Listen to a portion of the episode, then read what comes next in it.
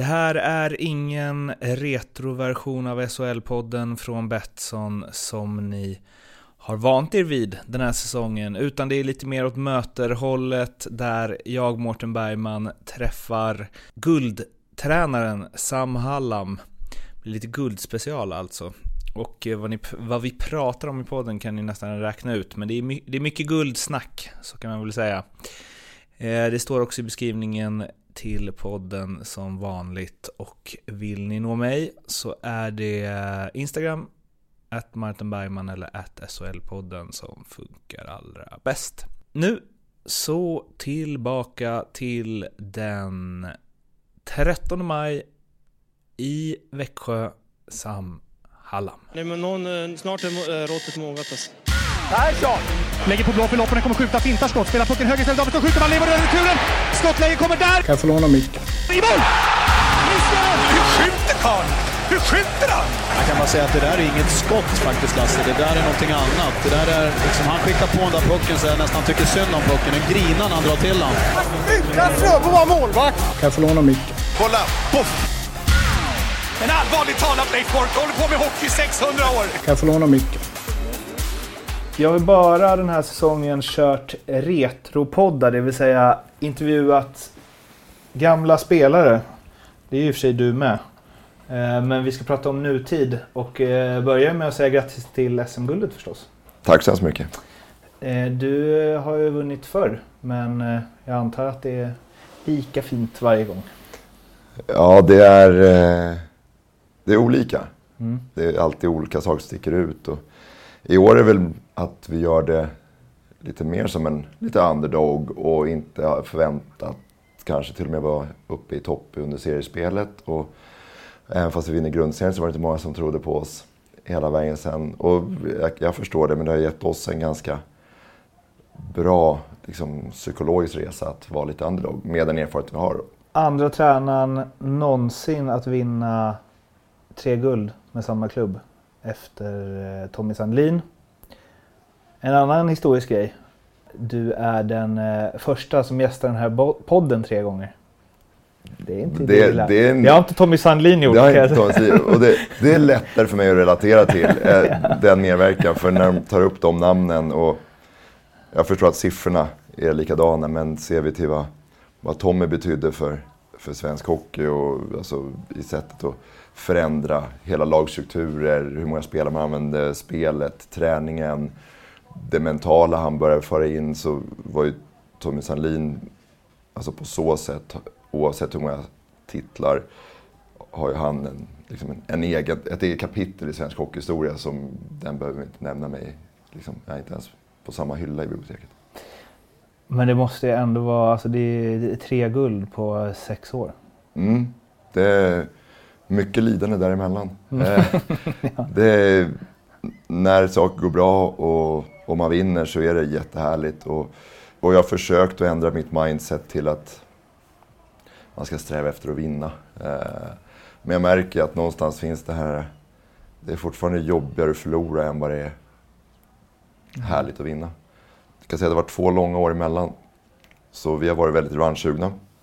Både personligen och som, som lag. Nu är det ändå så pass färskt att det är svårt ändå att ta in att vi faktiskt stod här. Och den här säsongen som är som den är, med hela världen i ett undantagstillstånd. Det är intressant det du säger. Jag har precis gjort... Eh, ja, jag sitter inte bara i den här podden, även om ni som lyssnar kanske kan tro det. Men eh, jag har gjort en in- tv-inspelning om paddel och där pr- pratar de mycket om att så här, man vinner inte bollar, man ser bara till att inte förlora dem. Mm. Och det är väl den, när man säger det är värre att förlora än att vinna. Mm. Så allt går ut på att, man säger så här, det går alltid ut på att vinna. Nej, det går ut på att inte förlora. Mm. Nej, men det är, och det, blir det kan ju bli ett lite negativ klang över det. Men i grund och botten så, en framgångsrik person inom vad den är som liksom för, chansar för mycket eller går för hårt eller går all in i fel lägen vinner ju aldrig över tid. Oavsett om det är racing eller tennis eller, eller hockey eller fotboll. Utan då är det här lite tråkiga maskineriet eh, som, som behöver liksom tugga på. Det, det låter ju väldigt osexigt när man ska sälja in det. det, det inom hockey är det mycket lättare att säga vi spelar med fart och fläkt och en offensiv hockey. Mm. Men det är ju ett säljknep. Alltså för att rekrytera spelare, för att sälja biljetter. Och det, vi behöver alla göra vad vi kan mm. för, att, för att locka både spelare och, eh, och publik.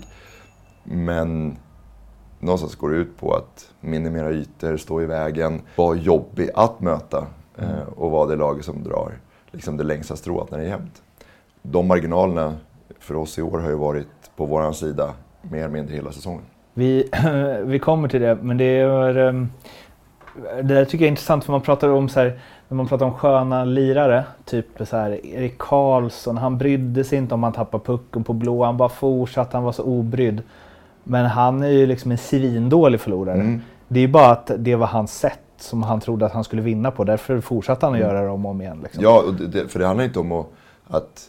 För ska du vinna så behöver du ha en kille som kanske går in och, och, och vinner poängligan. Du behöver ha en målvakt som är bäst. Du mm. behöver ha en, en back som klarar av att sätta upp liksom, pucken i bra lägen, byte efter byte efter byte. Så i det där, det handlar inte om att bara minimera risken, det handlar om balans. Och mm. förstår så, tittar vi på våra slutspel så alla har ju sett hur, hur viktig Christian Folin har varit till exempel. Mm. Alla har sett hur mycket poäng och hur mycket bidragande Pontus Holmberg och mm. Karlström och Sylvegård har varit. Sen har du Robban Rosén och framförallt Erik Josefsson som går in och dominerar teckningscirkeln i egen zon från varsin mm. sida. Och ger oss så många sköna starter i egen zon utan att få ett spel över oss. Och det, det är ju en jättenyckel. I, de här, I finalserien så var det lag som skapade fler offensiva tek än vad vi gör. Men vi kan neutralisera det nästan för att vi, vi vinner så mycket av dem. Jag kommer ihåg att i en av de två tidigare eh, poddarna vi gjorde så tog jag upp att om jag hade tränat eh, Kanadas World Cup-lag och du hade tränat Växjö och det hade varit bäst av sju så hade förmodligen jag varit den vinnande tränaren i det. För att kvalitet på spelare som de, de hade skitit i mig. Mm. De hade ju bara gjort som de brukar göra. I det fallet du är nu, att du vunnit tre guld på sex år mot liksom kollegor med likvärdiga ish eh, förutsättningar. Det är ju liksom utom all tvivel att du är en väldigt eh, skicklig tränare. Och liksom det, var, det var mycket nu under finalserien att liksom Sam Hallam mot Rögle, så här, Sam Hallams eh, taktik neutralisera Rögle och så vidare. Hur mycket känner du eh, det själv, att, så här, mm, att du har jävligt bra koll på hur man ska göra för att vinna? Ibland känner man att man, vissa lag får man en bra read på. Mm. Eh, jag säger inte att vi hade det på alla tre lagen som vi spelar mot i slutspelet, men vissa lag eller vissa sekvenser under matcher kan man känna att nu har vi hittat någonting. Så det kände jag väl att, jag tror vi förlorade match eh, tre tror jag var. Mm. Eh, och vi blev Liksom, ja, vi var uträknade i princip. Mm. Alltså, det gick väldigt fort från att ha 2-0 i matcher till att vi förlorade en match med 5-1 tror jag. Uh. Och när vi faktiskt tittade på det och sen ihop, ihop med laget, liksom, det där var, det var ingen big deal. va. Uh. Och de här små sakerna kan vi korrigera. Och det var inte liksom, vårt fantastiska tränarskap, utan det var ju enkla basgrejer. Där kände vi att här har vi en riktigt bra chans. För nu kommer Rögle helt plötsligt vara de som, ja nu har vi vunnit, nu har vi knäckt den koden, nu ska mm. vi bara rulla på. Och man mår lite bättre, man vunnit med 5-1 i match 3 på hemmaplan. Mm.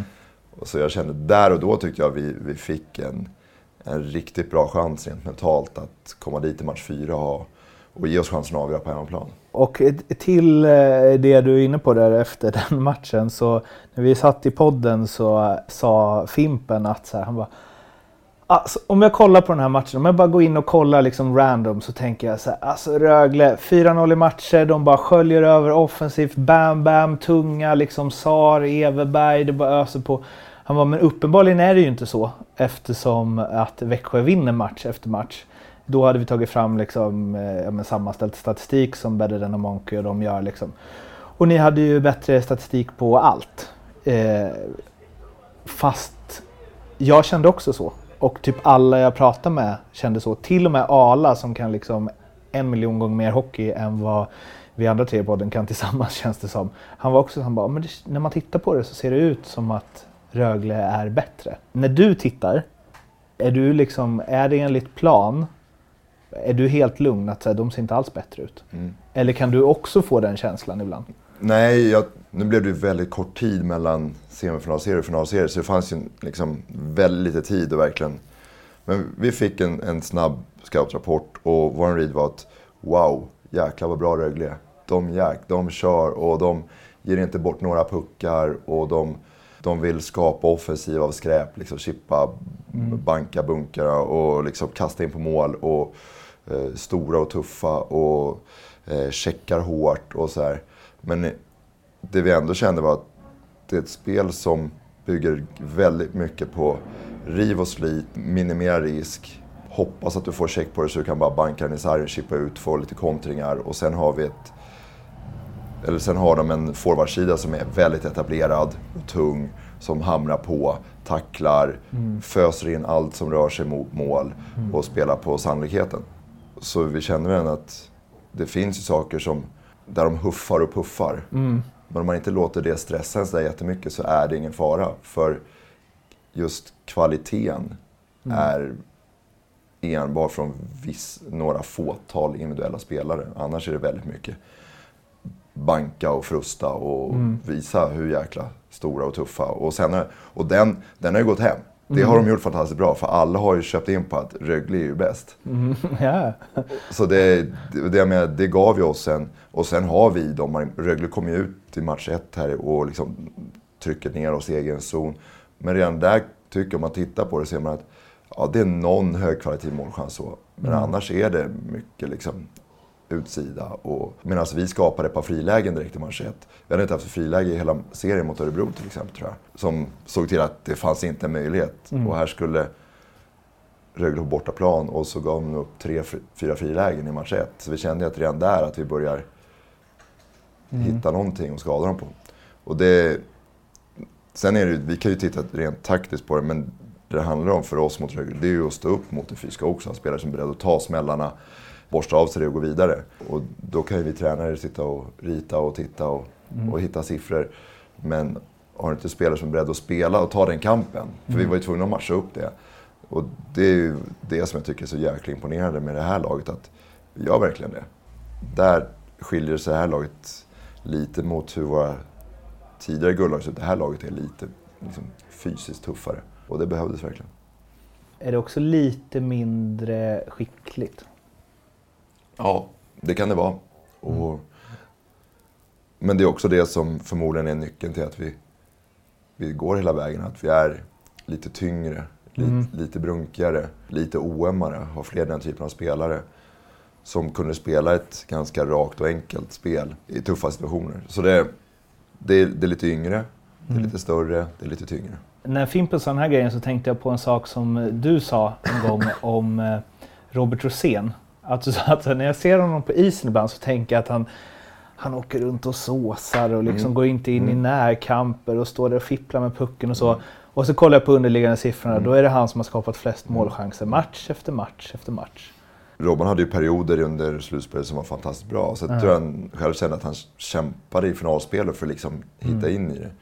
Men då har du igen att, tittar vi på Robbans match 5 så är, tycker jag han har visat spe- absolut bästa spelare. Rakt igenom. Och det är någonstans där vi har pratat om att vi har varit lite yngre, lite tyngre i år. Men ändå så kommer det ner till att ha killar som Erik Josefsson och Robban Rosén som plockar fram sitt A-game när de verkligen behöver det. Och det, det tycker jag man såg på Robban i match 5. Det jag menar med det var lite kopplingen till att här, allt är inte alltid som det ser ut att vara. Nej. Och det, det skulle jag säga är det svåraste när man som jag bara är en hockeysupporter som gillar att kolla på hockey. Att det kan vara svårt, och det kan vara svårt att se så här, det som siffror visar ibland. Ja, liksom. men, men samtidigt inte så det ska vara lite då. Jo, jo, absolut. Det, det, någonstans ligger ju den här alltså passionen för sporten handlar ju om någonting som sticker ut. Bra Mm. närkampsspel, tacklingar, snygga räddningar. kan man inte sitta och fundera på att räkna i- liksom, kontrollerade utgångar och ingångar. Då tappar man ju det. Jag tycker att vi har, eller jag personligen under året har försökt att blicka bort lite mer från det. För att ibland blir det att det blir lite för akademiskt. Man, man nästan skiter i vad matchen blev så länge man hade bra siffror där. Så länge våra ingångar i anfallszon var, hade mer kontroll än att vi chippade och så länge vi hade så här. och XG var toppen hit och dit. Och, jo, men alltså, du, du kan ju gå, gå ur en match och ha 3,74 XG framåt och tycka att hur kan du bara göra två mål? Ja, för ni var pissdåliga från start och skrapade ihop det här på slutet när ni var desperata och Ja, låg under med tre. Ja. Alltså sådär. Så, det, så statistik är intressant för att det kan ge en hint om att det pågår någonting som man inte riktigt ser. Men det får inte bli det som liksom, blir det drivande för då tappar man just det här som jag tycker anledningen att vi vinner i år. Det är att vi i vissa lägen inte går ut och funderar så mycket och spelar ganska fysiskt och hårt bara. Det, var, ju- det fanns ju ett extremt exempel på det år. eh, Better than a Monkey skrev det var när Djurgården-Leksand hade mötts och så hade Jonen varit, han hade gjort en bra match. Mm. Så hade han liksom minus tre eller något. Mm. Och det var någon som skrev det. Så här, va, hur kan Jonen ha, han var ju ganska bra bara. Ja, man ska inte släppa in mål från mittzon. Nej. liksom, som var en studs på Mm. eh, liksom, här, kan, när han skulle åka ner och hämta den. Så det var ju inte hans fel. Nej, men det nej. drog ju ner hans snitt Precis. de matcherna ganska mycket. Liksom. Ja, och det är sånt ibland som statistik inte... Och där tycker jag att... Då har jag varit mer nöjd att se att vi spelar otroligt uppoffrande framför mål, eget mål till exempel. Så vi har ju mer eller mindre under hela säsongen gett våra målvakter den hjälpen de förtjänar. Så att de kan växa och spela tryggt och uppenbarligen vara seriens två bästa målvakter. Sen har det funnits perioder av säsongen där vi inte har gjort det för dem. Och då har vi direkt fått betala priset för det också. Och det är ju svårt att mäta så, men alltså, antalet puckar vi har blockat nära mål, antalet närkamper vi har vunnit, antalet få gånger vi har låtit en motståndare stå ren framför vår kasse. Det, det är någonstans därifrån vi har byggt det. Och det, det, det är såklart, det kan man ju basera på statistik också, man vet vart målen gör. Så. Men ibland är det inte så jäkla mycket krångligare än så. Men eh, det är intressant att säga det med att så här, som vanlig supporter att det är det man ska liksom så här att eh, men hockey det ska vara liksom fysiskt och fart och flärd och driv, alltså, För även om det inte alltid är det som är bäst i statistiken så är det ju de spelarna som ser allra bäst ut. De är ju också bäst i statistiken. Alltså det är ju det är så här, man kollar ju inte på, fan vet jag, McDavid och Dreisaitl och bara, nej de hade jättedålig expected goals. Nej. Alltså det är klart att de har svinbra corsi. Ja, eftersom absolut. han gör tre poäng per match. ja, Liksom. ja och, och de driver spel. Och det, Ja. kan, det kan man ju... De killarna, alltså jag kan väldigt lite om motorer men jag fattar att Lewis Hamilton är rätt bra på att köra bil. Ja, det räcker att kolla varannan söndag för att, liksom. Eh, och de runt omkring han är rätt duktiga på att bygga en också. Eh, så nej, i extremfallen så behöver man inte så mycket statistik. Per Ahlbrandt sa i en podd, ja men det var ju efter, det var väl lite, eller han sa det inte i en podd, han skrev det i en chatt. Sorry Arla att jag tar upp det här. Nej men när ni vann guld så skrev han så här, åh vad Wikegård hatar det här. Han hatar smarta lag, det ska smälla, det ska dumpas puck, det ska åka skridskor. Medan Arla är så här, fan vad jag längtar till första tränaren går in och bara, nej, alltså fan idag ska vi inte åka så mycket skridskor. Vi ska bara åka smart istället och vi ska hålla i pucken. Hellre bara vända om och ah, jo, pucka på mål men inte om det inte är bra lägen. För att, och det är Mm. som du snackade om, så här, sälja sporten. Det är ju ingen som säger så. Nej. Du, du, du hör ju själv hur det låter. Försök att fixa tränarjobb på den, på den pitchen liksom. Exakt. Nej, så aggressiva. Nej, Ja, vi ska inte nej. vara så aggressiva. För vår del så har det blivit otroligt mycket fokus på det att vi inte fram och jagar varje gång. Men sen, det är ju också lite mot Färjestad i en kvartsfinal som har tre linjer som är väldigt skickliga offensivt och du inte vill ge spelvändningar. Men där, där tyckte vi var ganska framgångsrika i våran forecheck och vinna mycket puckar och tvinga dem att springa i en zon. Och sen när du möter ett Rögle som, om du checkar, bankar en runt i sargen, chippar ut den i mitten. Då är det så här, okej, vad är- hur mycket vinner vi? Om vi inte har riktigt bra läge, var, vad vinner vi på att jaga där? Och sånt tror jag spelarna känner på isen också. Att, vad ska jag fram? Om jag, jag har tio meter kvar, han kommer ju bara slå den där i runden. Men ska jag ta den här alibi-åkningen för att... Mm, för att det ser bra ut. Ja. Eller, Sen är, det, sen är det där som Arla är inne på, alltså med... Glömmer aldrig, vi var nere i Tjeckien i COL och skulle möta Sparta Praha någonting. Så vi såg en träning, vi kom ner dagen före eller någonting. Och de hade någon övning i början av träningen, de åkte runt så här. Såg ut som det var, alltså bara, gör vad ni vill. Men det var verkligen någon form av uppstyrd tre mot två övning. Där de så här åkte runt i mittzon i 20 sekunder och latchade och låg bakom ryggen-passningar. Och sen helt plötsligt bara drog. Så körde de. Alltså så här. Vi bara, det där, det där ska vi göra. Och vi försökte. Men för, till att börja med kunde vi inte förklara för grabbarna riktigt vad vi ville få ut. Och sen så höll ju grabbarna på att bryta benet där ute. När man, är- alltså, men ska vi åka full fart dit, stopp och så passa dit och så går vi liksom. För mittenkillen driver på mål. Nej, ni åker runt och är lite sköna, passar lite bakom ryggen och sen blåser vi då. Så, nej, vi, vi provade typ två gånger så var det bara nej. Det gick inte? Nej, vi la ner. Och men mest för att inte vi lyckades förklara exakt vad vi var ute efter. Det var lite skönt tjeckiska, men det... det gick inte. Sitter i genetiken.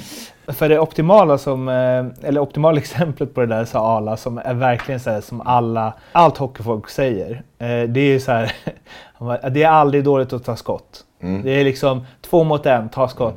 Och Ala han bara, jag hatar två mot en. Så många gånger man har kommit två mot en med någon eh, liksom medspelare. Man har helt öppet och nog fan skjuter han. Han bara, och det har ändå varit skickliga spelare. Det har liksom varit Simon Hjalmarsson och Sjögren och så. Man bara, men det är så jävla inpräntat att så här, om du, om du skjuter, då har du i alla fall gjort någonting. Ja. Liksom. Där skulle ju verkligen statistik vara bra. Ta fram alla 2 mot 1 sessioner för hela året och se vilka blev det mål på. Och hur många skott, alltså på den spelaren som bär pucken in över blå linjen, resulterade i ett mål. Mm. Kontra när han la över. Ja, Ja. kontra han la över. För jag antar att det är en sån statistik där man kan se att får du fram passningen i mål, Ja, exakt. alltså är det värt fem missade för att få fram en, än att du bank, åker in och bankar den på benskydden. Liksom. mm.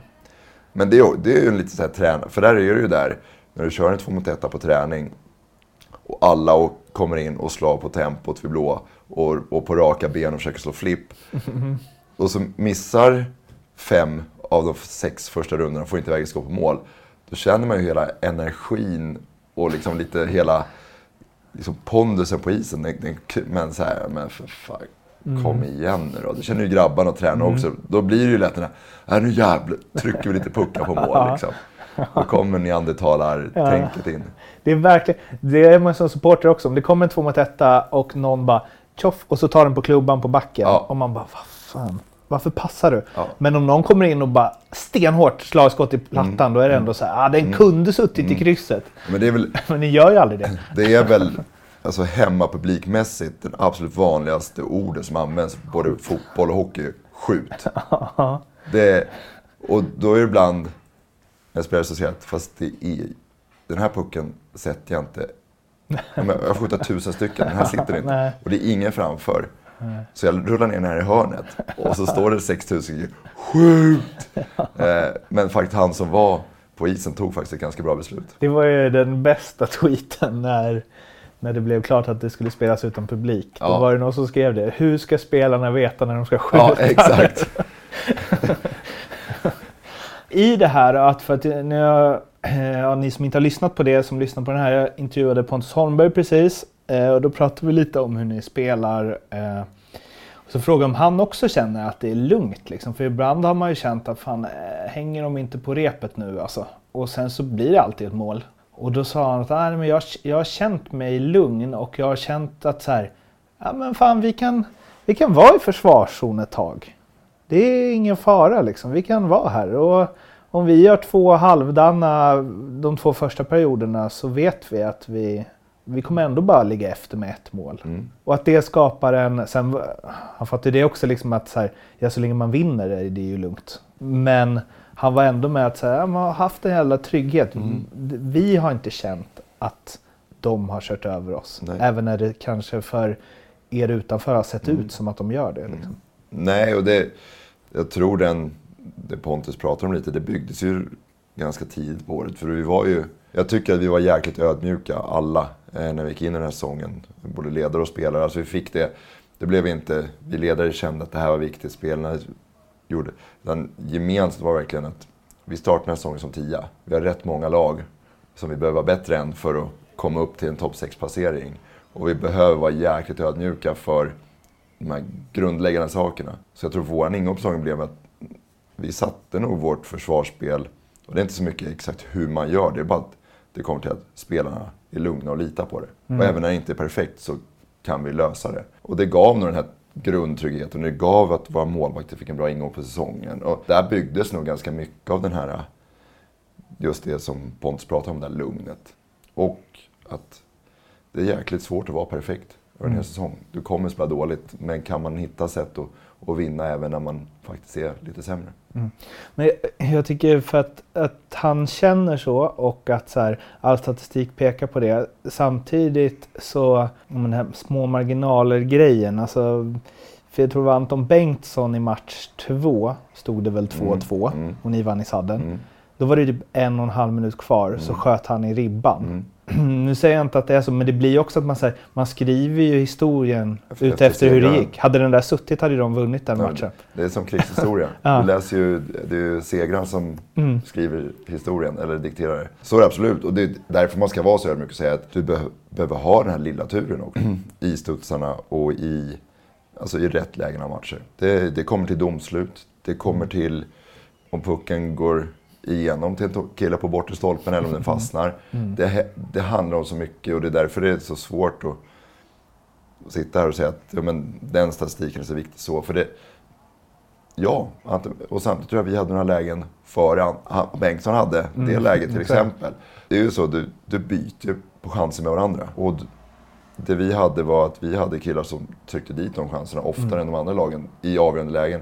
Och att vi hade målvakter som gjorde viktiga räddningar. Jag har ju eh, inför det här, jag tror jag gjorde det förra gången också, jag skulle intervjua dig, eh, tagit lite hjälp och bollat med eh, Koffe, klackledare i Växjö, för att han har sett er spela ganska mycket mer än vad jag har gjort. Så om det är något fel nu så är det inte mitt Mm. fel. men eh, hans första fråga, den hade jag, ja men den hade jag också kunnat komma på. Vad är det som har gjort att ni har vunnit alla finalerna ni spelat i? Jag tror vi har gått in, de sista två har vi gått in som seriesegrare. Så någonstans har vi fått matchordningen och i år var den väldigt utslagsgivande när vi fick två starter hemma. Så det är nog en faktor att vi faktiskt har, har bäddat för det redan med att vinna grundserien. Men just att så här, få att det maximeras när det gäller som mest. Jag antar att du måste att ni måste gjort saker i första finalen som du sa, ja just det, okej det här funkar Mm. i finaler, då Mm. gör vi det i andra också. Alltså att Mm. man lär sig på vägen.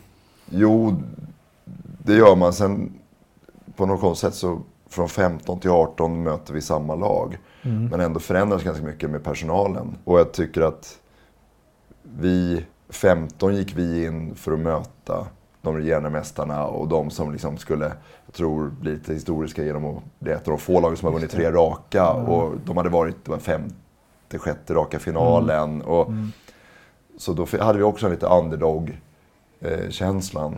Och då hade vi ett väldigt liksom, etablerat lag. Mm. Vi hade mycket veteraner packat i tredje, fjärde kedjan sådär. Och sen i 18 då, hade vi, då var vi bara lite bättre. Och hade den tron på oss själva och fick väl 7-1 i match 1 i finalen. Så då var det inte så svårt att rida vidare på det. I år har jag inte hunnit reflektera över det, men jag säger ändå att fördelen att börja med två hemmatcher var enormt stor.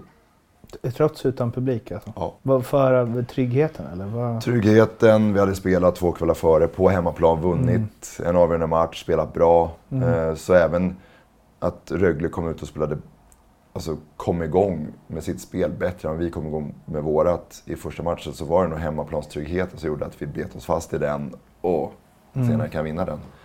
Det blev väldigt viktigt. Alltså, för den, eh, de finalerna såg jag alla förra gången ni vann guld, alla på plats. Och jag tror inte jag fattade det riktigt eh, då, det var, även om det snackades om det hela tiden och så. Mm. Men så här, sen dess, eh, och man har sett, det har väl varit, två finaler sen dess va? Den här och eh, Djurgården-Frölunda. Ja, ja. Nej, men eh, alltså Elias Pettersson, hur mycket så här, ja han var ju, han var så sjukt bra så Mm. att så här, man, man skulle ju ganska lätt kunna argumentera för om han hade spelat i Skellefteå hade så kunnat kanske det gått annorlunda. Absolut. Alltså, vilket så här, eh, och det är väl det som är så intressant att du säger i första det var mycket rutinerat, ni var underdogs. I andra var det ju liksom en megakross i första Mm. matchen. Mm. Och alla var så här, ja det är klart de kommer vinna Mm. guld, det är ju inget snack. Mm. Och det här, det här var ju också väldigt, den här var också olik de Mm. två. Ja, Alltså, absolut. Och vi har ju haft ganska höga krav på oss själva och sådär.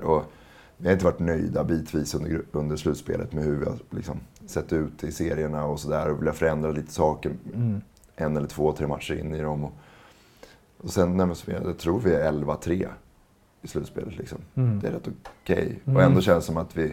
Det har varit lite kämpigt. Ja, och vi har, både, vi har ifrågasatt själva, men vi har också blivit så här, det här, det här nu tippar nu över till Färjestad här ska du se. De har varit bättre i två matcher. Så här.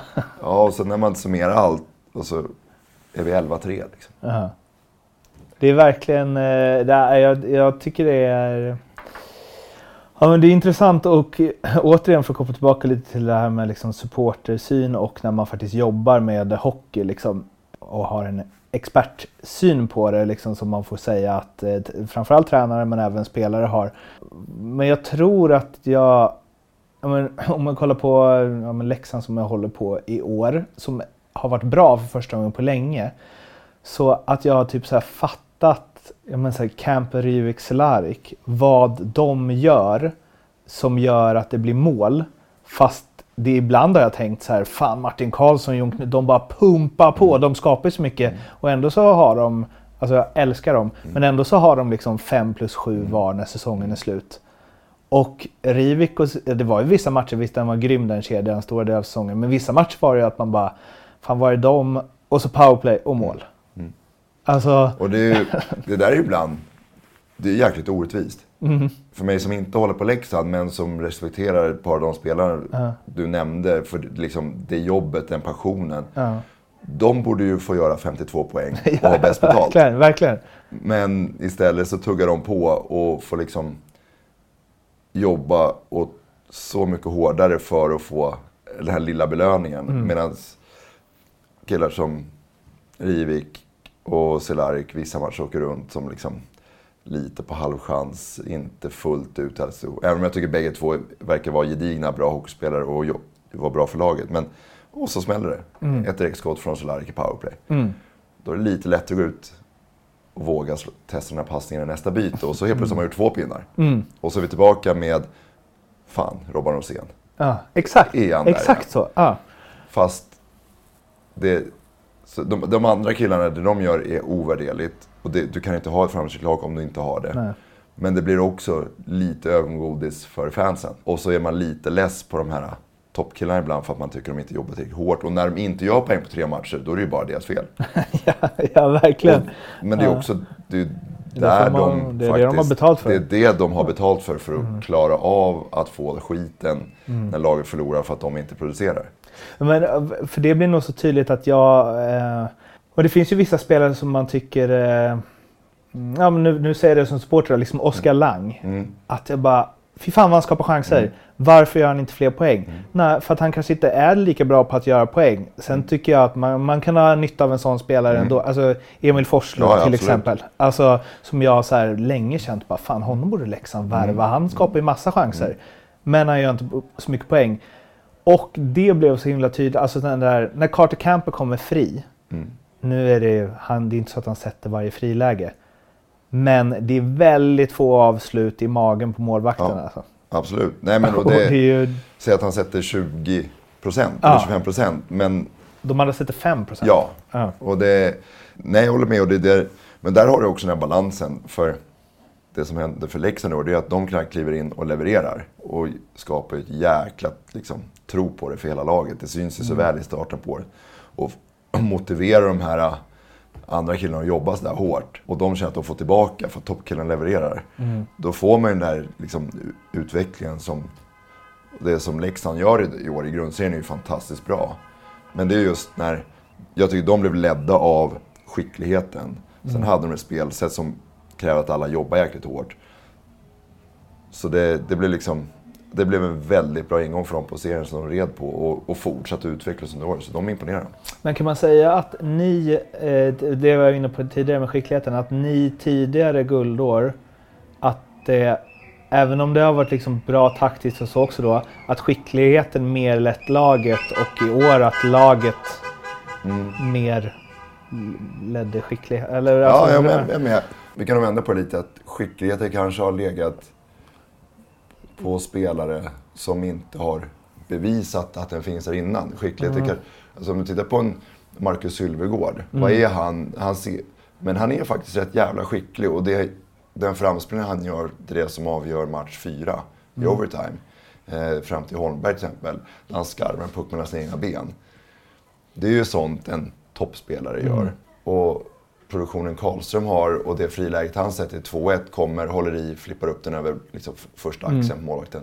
Det här laget var ju byggt mer, vi hade skicklighet och vi, Emil och Robban och Kalof och Jack. Men det, vi hade också kanske lite maskerad skicklighet. Ja. Killar som är på gång. Som om, du hade sagt, om du säger deras namn om fem år. Jäkla skicklig. Det är, de steppar upp i slutspelet och grymt. Det vet jag att jag tänkte på inför förra säsongen, för det var en, en fråga som kom för här, varför det gick så mycket sämre förra året jämfört med det här. Och då vet jag att jag tänkte på det när vissa av värvningarna ni gjorde.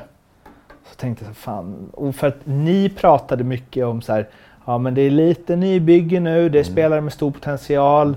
Och jag liksom, ja men man har sett Karlström i Linköping, jag tänkte, ah, vet inte, Silvergård i Malmö, bara jo, det, är lite, det händer väl grejer kring honom, men han åker väl mest runt och tjafsar liksom, tänkte jag.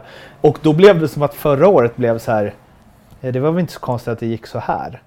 Medan i år så blev det som att ni fick rätt. Mm. Liksom. Och, och kanske var de... Jag såg någon som skrev just om det, just att våra unga spelare som har slagit igenom nu, de har inte varit 20, de har varit 22. Eller du vet, de har gjort det någon säsong till. Karlström gör sin liksom fjärde, femte riktiga A-lagssäsong, tredje fulla SHL-säsong. Ja, men, Eller fjärde till och med. Sylva har också spelat mycket SHL-hockey innan, kämpat lite. Och sen skillnaden för de killarna förra året var att då, vi hade ju lika höga förhoppningar på dem då och de själva på sig själva. Men vi backade inte upp det som lag, så de fick inte den miljön att vara i där det är lite lugn och ro. Och det, där blir det ju så skillnad i år när målvakterna stänger igen, försvarsspelet sitter och toppkillarna gör, gör mål i powerplay. det blir ganska, alltså du får en rätt bra liksom, dynamik i laget och du, du får ganska mycket lugn och ro för vem det nu är. Eh, att känna att okej, det är inte upp till mig. Jag måste inte göra ett mål för att vi ska vinna. Så slappnar man av lite. Så det ja, många delar. Men ni sa ju inför, eller efter förra säsongen att ni verkligen rannsakade er själva i liksom tränarteamet så också att det var, ja men tia var väl inte det ni hade tänkt. Liksom. Och Holmberg sa att det var, det var rätt stor skillnad Mm. inför i år Mm. jämfört med inför i fjol. Mm. Tycker du också Mm. det? Jag tycker vi, vi, vi satt oss ner i några dagar och eh, ifrågasatte egentligen vad vi, hur vi spelade, hur vi jobbade. Och skalade bort massa. Jag, jag tyckte att vi hade, alltså, när saker går bra så får du höra alla hur bra allting är. Och du tänker att ja, men då kanske vi ska börja trixa till det lite här och göra lite krångligare här. Vi För vi har ändå det här. vi ska eller? addera lite fler nya häftiga produkter här och vi börjar lägga fokus här. Och rätt vad det är så har vi glömt bort vad det går ut på. Lite tjeckiskt. Sluta släppa in pucken. Gör ett mål mer än de andra. Ja. Alltså, så jag tyckte, och det, det är inte, jag tänker inte gå in och vara konkret, men just det fanns några bitar i spelet vi kände här behöver vi verkligen förändra och skapa någonting nytt. Så att vi känner att det är nytt, så spelarna känner att det är någonting nytt. Men sen var det väldigt mycket liksom back to basic. Skala bort onödiga saker och se till att vi tränar på det vi vill träna på och spelar som vi vill spela. Så jag tror vi genom åren ibland är lite tröga ur startblocken i, starten av säsongerna. Det är ganska ofta Växjö Lakers har börjat lite lugnt och så har vi liksom steppat upp. I år var nog kopplet lite kortare på oss själva. Att det, var, det var inte läge att, att liksom softa igång det lite i år och veta att vi växer. Utan det, vi behövde att starta ganska bra. Så kommer jag inte exakt ihåg hur raden var första fem matcherna. Men, så jag, jag, jag, det kändes som, och den revanschlusten vi kände, vi fick, ju, vi fick ju gå in med samma i princip personal. Så vi fick ju chansen att, att liksom förbättra det. Men de sakerna ni ändrade, var de för stora för att ändra under säsong? Eller upptäckte ni dem inte förrän ni satt ner med allt i lugn och ro efter? De, vi, vi, vi borde ha kunnat upptäckt en del av de sakerna. Men någonstans när du är inne i det och så, så rullar det fort. Jag tror, tittar man på Häcken så ser man att det är rätt lugnt. Men jag tror Häcken i fotboll just nu känner att vad fan gör vi? Ja. Eh, Ja, och där verkligen. lite var vi kanske. Men när, vi- när vi i lugn och ro fick, fick rannsaka oss själva och inte gå ut med de stora... Liksom, att vi, vi garanterar det här utåt, men internt Mm. så var vi väldigt sugna på att göra någonting bättre. Tänkte du att ni skulle vinna guld i år? Att det var... Mm, nej, jag, jag, jag tyckte vi hade ett lag som såg ut att kunna gå starkt i, grundserien. Men som kanske inte riktigt var redo för att gå hela vägen i ett slutspel. Eh, definitivt klara av en kvartsfinal om vi liksom kom topp 6 och sådär. Men däremot under året när vi adderade lite spelare och vi såg hur andra växte. Då började vi känna om att runt från jul och framåt så var ju, började nog tankarna gå ditåt. Det du var inne på att eh, att man får höra att man är så bra så man börjar säga ja men lite, ja, lite tjeckiska övningar Mm. och så. Alltså, handlar inte det också om Alltså man drivs ju dels förstås av att vinna eller inte förlora. Men också att man själv vill liksom utvecklas. Ja. Alltså det, det är väl naturligt. absolut, Alltså, ja, men jag tror det, det är ju... Nu har ju vi provat vissa saker och nästa gång man ska liksom... Vi ska sätta oss i den här säsongen och titta på vad vi gör inför nästa år och allt det där. Så kommer vi säkert vara tillbaka för två år sedan lite med den här grejen. Men om vi gör det så här istället. Och då kanske vi har med oss den erfarenheten att vi vågade skruva på någonting och så blev inte det som vi hade tänkt oss. Så det är klart att för att få en utveckling i saker och ting så måste du ju skruva. Men jag tror ändå den absolut största punkten det är det mentala. Det är om du är helt ärlig med dig själv. Är du beredd att lägga ner det jobbet som krävs fullt ut? Det tycker jag vi... Man ser i från semifinalerna, då, där, där, är fyra, där är alla fyra lag är beredda att lägga ner det. Och det blir jämnt. Hur ofta känner du, eh, för att eh, dra en parallell till ett inom citationstecken vanligt jobb, så eh, jag sa ju det om vi hade haft en paddelinspelning och ja, men, jag har inte jobbat som producent för liksom, tv så många år. Men under den här så det var en ganska stor kund liksom som så här, de hade lite åsikter och så och jag kände mig helt så här, trygg i att bara nej så ska vi inte göra för att så här, ja, jag har gjort det förut så jag vet att det där kommer inte bli bra. Och det är sällan man så pratar, tycker jag i alla fall, alltså, om så rutin i andra yrken. Men i sport pratar man om det hela tiden. Men där kände, jag kände mig så trygg att så det här kommer bli bra för jag vet att det du föreslår är fel. Även om jag respekterar dig och det är ni som betalar och allt. Hur ofta känner du det som tränare mer och mer år för år att du så vet att så här, det här kommer inte funka, det här funkar, den här situationen. Så, alltså, hur, hur fort utvecklas man i det? Hur ofta går du på, nu, nu är jag en grej man absolut inte ska göra som journalist, ställer fler frågor samma. Men liksom, hur ofta går du på väg upp nu jämfört med, med för fem år sedan? Liksom? Mm. Jag tror när man, när man tar det för givet, när du går in och behandlar den kunden som att, alltså att du inte ens ska få, behöva få Nej. frågan. Nej. Då går du på alltså, gå upp. Men är du ödmjuk för att det kommer, gå upp och ställs frågor och ändå någonstans i det in, Men också att du kan stå för att ja, men jag tror verkligen det här blir det absolut bästa för oss här och nu. Sen kan det bli fel. Det kan det bli. Men jag, ibland är självklart erfarenhet och rutin jättebra. Och jag tycker jag blir hjälpt av det i, de här, i finalserien till exempel. Och då menar jag inte att jag, att jag är bättre än Cam, eller ska få en edge. För min egen del kan jag känna så här. När man går in i match eh, tre och liksom det, man leder med två. Och så kan man, fast du behöver inte vara så nervös idag för att det kommer vara mycket större tryck i match fyra. Oavsett hur det går i den här. Och vinner, vi, vinner vi idag, då har vi 3-0 upp. Då kan vi vinna ett mästerskap. Den matchen kommer vara mycket tuffare. Så ta det lugnt nu. Alltså den sätt, det sättet att använda erfarenhet för sin egen del. Utan att gå runt och vara en von Iber. Men eh, när du till exempel säger, nu kommer jag nog inte citera dig rätt, men kontentan att eh, Moritz Seider mm, har en egen regelbok. Gör du det för att du tycker det bara? Eller för att du tänker att det här är en bra grej att säga? Korrekt på båda. Jag, jag, jag tyckte att han, han får spela ett spel som är väldigt, väldigt ovårdat. Och ibland otroligt vårdslöst. Och jag ville uppmärksamma det såklart för att antingen att vi skulle få powerplay eller att han var tvungen att tänka till lite där ute. Och det som... Så det, det var både och. Självklart en, ett taktiskt spel, men lika mycket... Moritz Seider är en av Rögles absolut bästa spelare. Och jag tycker han spelar en fantastiskt bra hockey. Det är faktiskt ingen som har frågat mig sen slutspelet vad jag tycker om han som spelare. Eh, men jag tycker Moritz Seider är en fantastisk eh, spelare. Alltså han har en framåtlutningssätt att kliva med anfall. Han har ett passningsspel som är fantastiskt bra. Han har ett bra skott. Och han har den här, men jag är störst och bäst så kom igen då bara. Och Wikegård gillar ju Moritz Seider. Ja, absolut. Det kan man ju Ja, säga. ja, men det tror jag alla gör. Men rätt ska vara rätt. Du kan inte åka runt och crosschecka folk nere på ryggraden bara för att du är Morris Seider. Mm. Eller köra upp klubban i ansiktet på folk för att du är Morris Seider. Och det var så jag tyckte det såg ut i semifinalen. Mm. Eh, och det var det jag inte ville att han skulle komma undan med. Och nu fick, hände väl direkt efter uttalandet så, så kör han upp en klubb. Och där har ju han ren tur.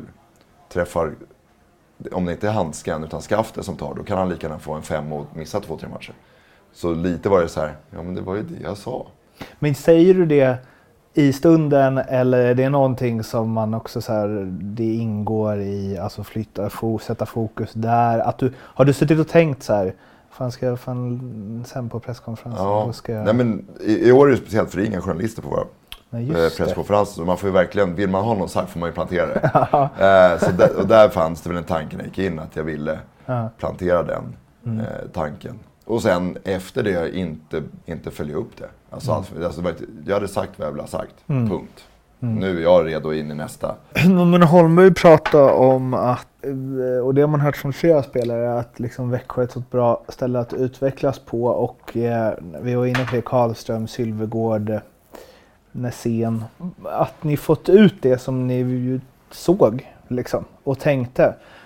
Vad är, vad är viktigt i det? Och vad är det ni gör för att liksom få upp dem till den nivån ni tror att de har? Jag tror, till att börja med får man ju säga att det finns ju också många spelare som kommer till oss och inte hittar den. Både på grund av sig själva och på grund av oss. Vi har väldigt bra träningsmöjligheter. De faciliteterna vi har runt omkring oss är otroligt bra. Jag kan säga mig att det, jag tror inte någon klubb sätter upp liknande träningsmöjligheter. Eh, vi har i huset olika typer av tekniktränare och annat som, och mentala coacher som man kan jobba med individuellt. Så egentligen kommer det ner till att de killarna själva använder de förutsättningar som finns. Och spelar man då ett lag som är oftare på övre halvan än på nedre halvan så finns det också ett lite större lugn och lite större liksom, tid att träna lite extra på vissa saker. Eller ja, vad det nu kan vara.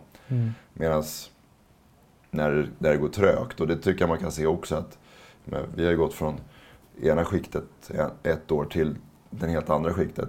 Och helt plötsligt pratar man åh vilken utveckling. Det är lite lättare när vindarna blåser din väg och saker går bra. Då är det lite lättare att orka träna lite smartare, lite mer fokuserat. Och lägga in kanske som Sylvegård eh, och köra lite extra skridskoåkning på eftermiddagarna till exempel. Och så blir många små saker leder till någonting, att en förändrad helhet liksom. Hur mycket gör det att du är en bra tränare för Växjö, att du har varit i Växjö så länge? Alltså, om man bara hade flyttat dig till Frölunda, tror du det hade första tiden varit liksom en sämre tränare för Frölunda än vad du är för Växjö? För att du har ändå varit med och byggt det här så länge. Liksom. Det är en jätteintressant frågeställning. Eh, rent, jag tror det beror på vart jag är. Alltså vilken... Jag tror det... Eh, liksom, ja, men verkligen vart den föreningen befinner sig. Om den föreningen skulle befinna sig lite i någon form av nystartsfas, eh, verkligen. Då tror jag att jag skulle vara en lika bra tränare eller bättre tränare med den erfarenhet jag har härifrån. Men skulle det vara en klubb som kanske var i en annan typ av fas eller så kanske, då kanske jag skulle behöva två år för att komma in och lära mig olika saker. Så, jättesvårt att säga, men att det vi gör här funkar ju här. Och det funkar ju på grund av att vi är ju väldigt många människor som är duktiga på sitt jobb. För att få egentligen det korrekta svaret på det, då skulle man behöva lyfta ut tio personer och sätta in dem i ett annat lags färger. Då skulle vi verkligen kunna se om vi överförde våra modell. Men det tror jag är väldigt svårt i Sverige. För Frölunda är ett intressant exempel där. För liksom bredvid dig så är väl Roger Rönnberg den som har fått mest eh, ros liksom, Ja. av SHL-tränare de senaste åren. Och i år gick det ju inte alls för Frölunda. Som ju fortfarande, eh, om man tittar på liksom deras spelartrupp, så ja, alltså inför säsongen var det väl många som trodde att de skulle slåss om guld. Vad, alltså, och nu, nu blir det som att så här, jag vet inte, så här, äh, de spelarna litar inte på Roger längre. Han har tappat, Ja, drivet ja. finns inte. Nej. Vilket är, ja, det är så otroligt vad fort Ja, det kan gå. Och, det, och det är det man får vara när vi sitter här nu och gör en, gör en podd några dagar efter ett SM-guld. Mm. Eh, Jag är ett bra exempel på det och nu är Roger ett bra exempel på det. Alltså, Roger är inte en sämre hockeytränare idag än när man var ungefär samma tid på året, 2017. Nej. Alltså, så är det ju bara. Ja. Hoppas att de vann 2017, jag tror det. Ja. Nej, 18. 18. Nej vi vann Nitt- 18. HV, 19 då? HV vann 17. Sex- 17, de- de- 18, de- 19. Ja, 16, tiden går 16 och fortare. 19. Ja men det är ännu, ännu bättre. 19, Ja. ännu närmare i tid. Ja. De var ju regerande mästare som det var en slutspel förra året.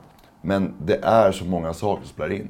Och självklart har Roger saker han kan göra bättre Mm. in i nästa säsong som han inte fick in i det här året. Men just så mycket med dynamik där, målvaktsspel där, ett powerplay med självförtroende eller inte där. En ung kille som är hel och lyser i Karlström eller en ung kille som blir skadad, Lucas Raymond. Alltså, det är många olika faktorer som spelar in när...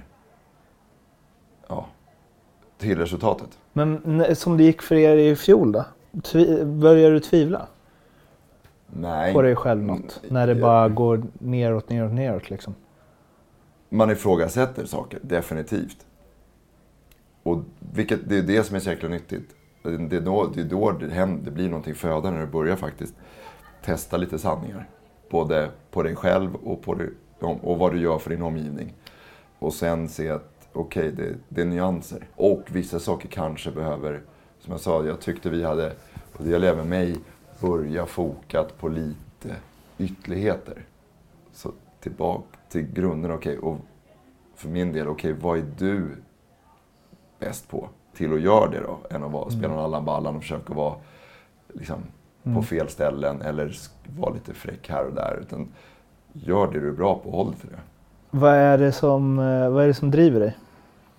Att man någonstans förutsätter det värsta och hoppas på det bästa. Alltså, det vore ju...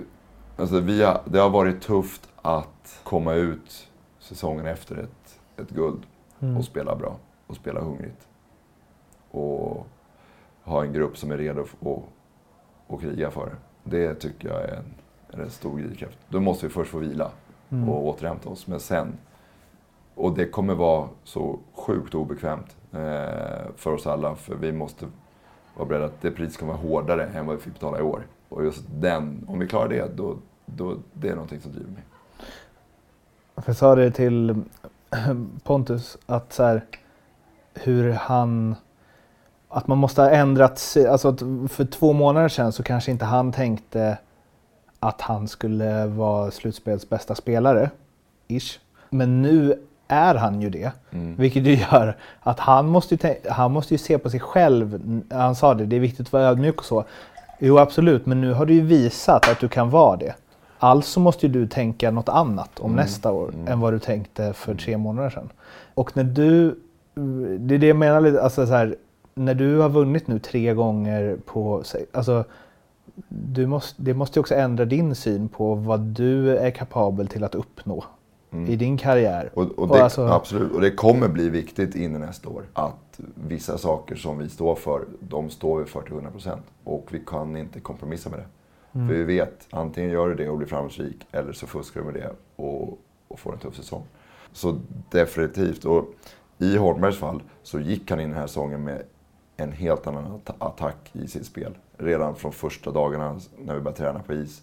Han attackerade mål mycket hårdare, han sköt mycket mer. Han var mycket mer bestämd i sitt spel från början. Så hans resa är för att han själv gjorde en förändring från förra året in i år. Han har, han har blivit mycket rakare. Ställer tuffare, bättre krav på sig själv. Eh, men framförallt har han varit mycket mer attackerande på isen.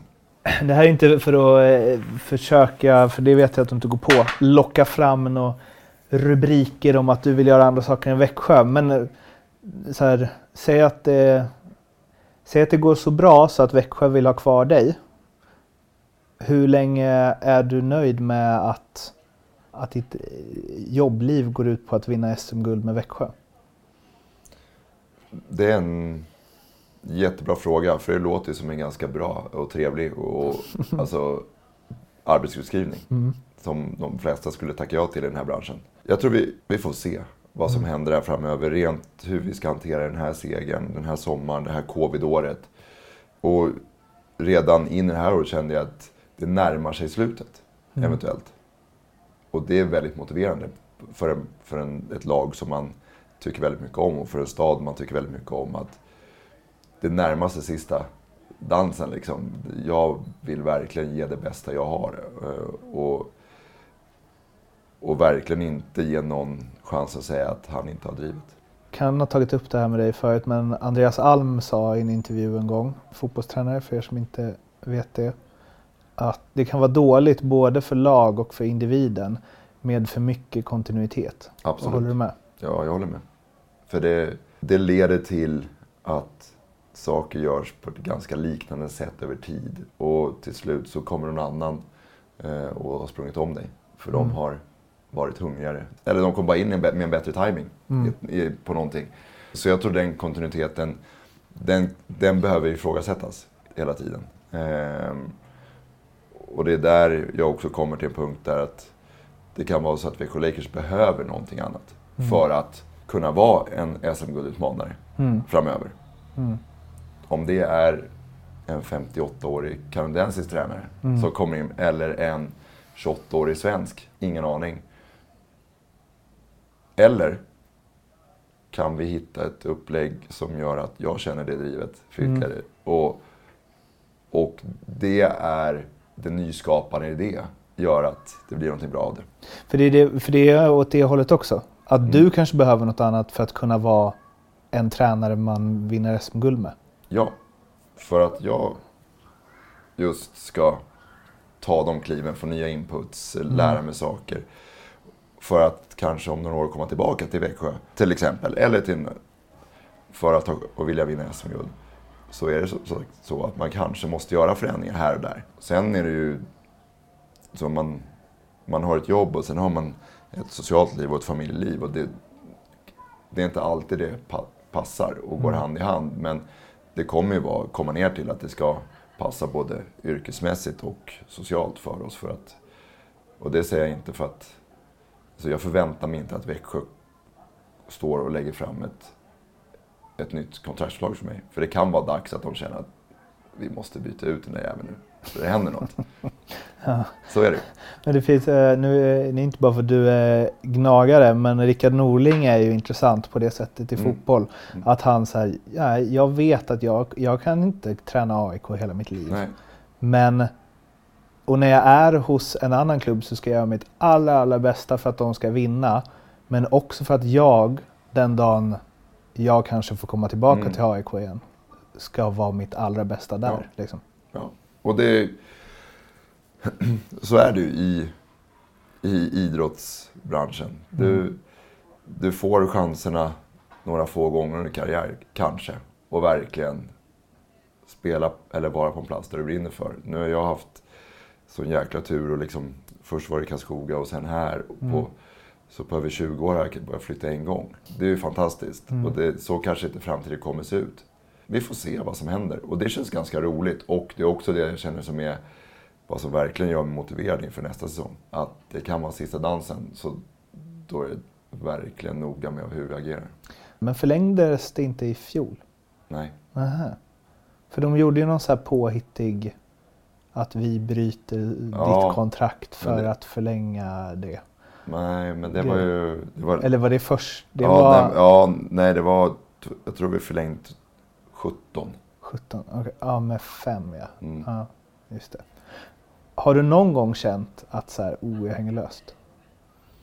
Nej, ja, men förra året så ett tag spelade vi eh, ganska risigt och vi förlorade. Men jag och jag känner att i det här läget kan det vara någonting som behöver göras. Och jag, men signaler från, lag, från organisationen var liksom... Det fanns inga sådana signaler. Och det kanske inte gör.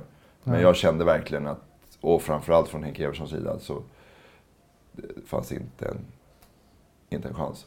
Vi som driver det här tåget är de som ska vända på det här tåget. Ungefär så. Det är intressant det där med också Eh, För du vet väl inte hur det känns att Nej. spark? För det, där kan man ju tänka att, eh, det har man hört någon gång att man, så här, man, tränare sitter säkert tills han får sparken. Och, och, och då, därför, då är vi tillbaka till Andreas Alm och Häcken för Ja. fjärde gången i den här podden. Eh, för jag vet inte om för att vi tycker det är kul att det går dåligt för Göteborgs lag. Jag har ingen aning. Men han uttalar sig också bra om det där. Alltså det här med förtroende. För, alltså det där går upp, det är från dag till dag. Skit i det. ja, ja, det sa, han sa ju det nyss. Det Ja. var jävligt bra. Ja, han det sa var- det, han bara, förtroendet för mig är 100% tills det inte är det längre. Exakt. Så, och, och så kan jag känna lite som den frågan du ställde innan. Så här, funderar du på, eller, eller är du rädd för att sparka? Rädd för, det är jag absolut inte. Om jag funderar på kan det hända? Ja, det skulle faktiskt kunna hända. Men om det händer, det är lugnt. Jag kommer landa på fötterna. Sen kommer det vara en emotionellt säkert tufft och mentalt. Och liksom, man kommer fundera, är jag så jävla kass? Och jag, kan jag vinna en enda hockeymatch igen? Men förhoppningsvis har man folk runt omkring så även sig själv och, och liksom snurra runt det rätt snabbt och, och gå vidare. Dels få det här att utvecklas och eh, vinna. För jag sa också det till Pontus att så här, han är draftad av Toronto. Även om det är här och nu och man måste göra sitt bästa varje dag och små steg. Så det måste ändå kännas att fan, ja, de gillar nog att jag är bra här. Och, så här, det, och det handlar också med hans utveckling att göra att han, om man är slutspels bästa spelare i SHL, så kan, när man är 22, så kanske man också säger aha, fan jag kanske kan lira i Toronto Ja. om två, tre år. Det kanske inte är helt orimligt. Vilket skapar ett driv hos, hos en. Liksom. Ehm, t- tänker, du, tänker du någonstans här, fan jag kanske, jag kanske kan träna NHL? Jag kanske kommer få chansen en dag. liksom. Jag, tänk, jag har nog snarare tänkt hur skulle du...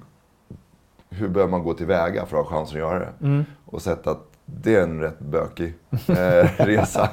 Eh, Helst ska man ha spelat där Ja. och det är ju kört. och det har jag inte gjort. Och helst ska man känna ett par. Helst ska man vara, väga 20 kilo mer och vara 20 kilo, eller år äldre. Ja. Eh, eller jobba på college. Ja. Mm. För att ha, framstå som smart. Eftersom jag inte har gått på college så får jag inte coacha college. Vilket jag menar, det är en jäkligt bökig resa för en europé eh, utan några som helst connections. Om man skulle vara beredd att göra jobbet, att åka över och börja som assisterande i AHL för att ta den långa vägen. Då tror jag inte att det är kunnandet som skiljer. Alltså jag tror att jag skulle kunna liksom, på tio år jobba mig upp till möjligheten att få intervjuer. Men jag vet inte om jag är beredd att göra den resan. I Albany River Rats. Så. Nej men sådär, så nu kanske inte de ens finns längre. Men Binghamton och de här ställena. Nej, ärligt talat. Så jag, precis som spelarna, drömmer jag om NHL.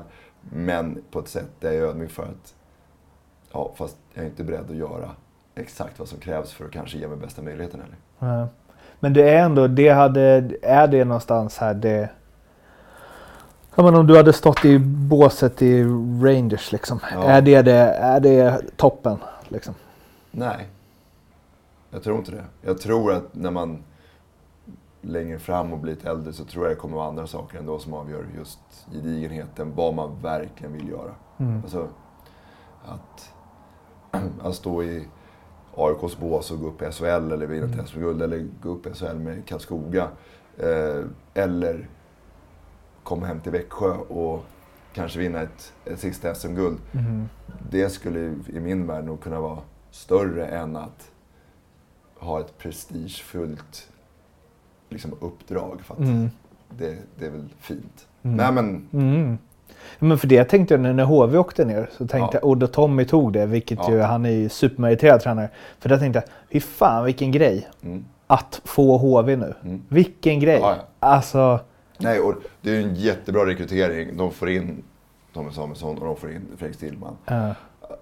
Två personer med bra erfarenhet och som vet vad de gör. Mm. Och, nej, och jag håller med dig. Vilket jäkla rolig utmaning. Ja. Som tränare måste man ju känna så här: wow. Ja. En av Sveriges mest klassiska klubbar, de är i Ja. skiten, inte en enda spelare på kontrakt. Nej. Dröm! Nej, men jag håller med. Jag håller med. Det uppdraget är ju så mycket tydligare än vissa andra uppdrag i SHL till exempel. Mm. Just- Just nu. Det andra då som är lite närmre som du har fått frågan liksom hur många gånger som helst. Men Tre Kronor och liksom träna sitt land. Just nu tror jag är ganska långt ifrån Tre Kronor. Jag känner att dels de kör sin internrekrytering och Tre Kronor är inte det jobbet som jag suktar efter just nu. Mm. Lite har det använts som en språngbräda för, liksom, det är en väg att ta sig till NHL och, och vinna hockeymatcher på tre veckor. Men det är absolut inte där jag är nu.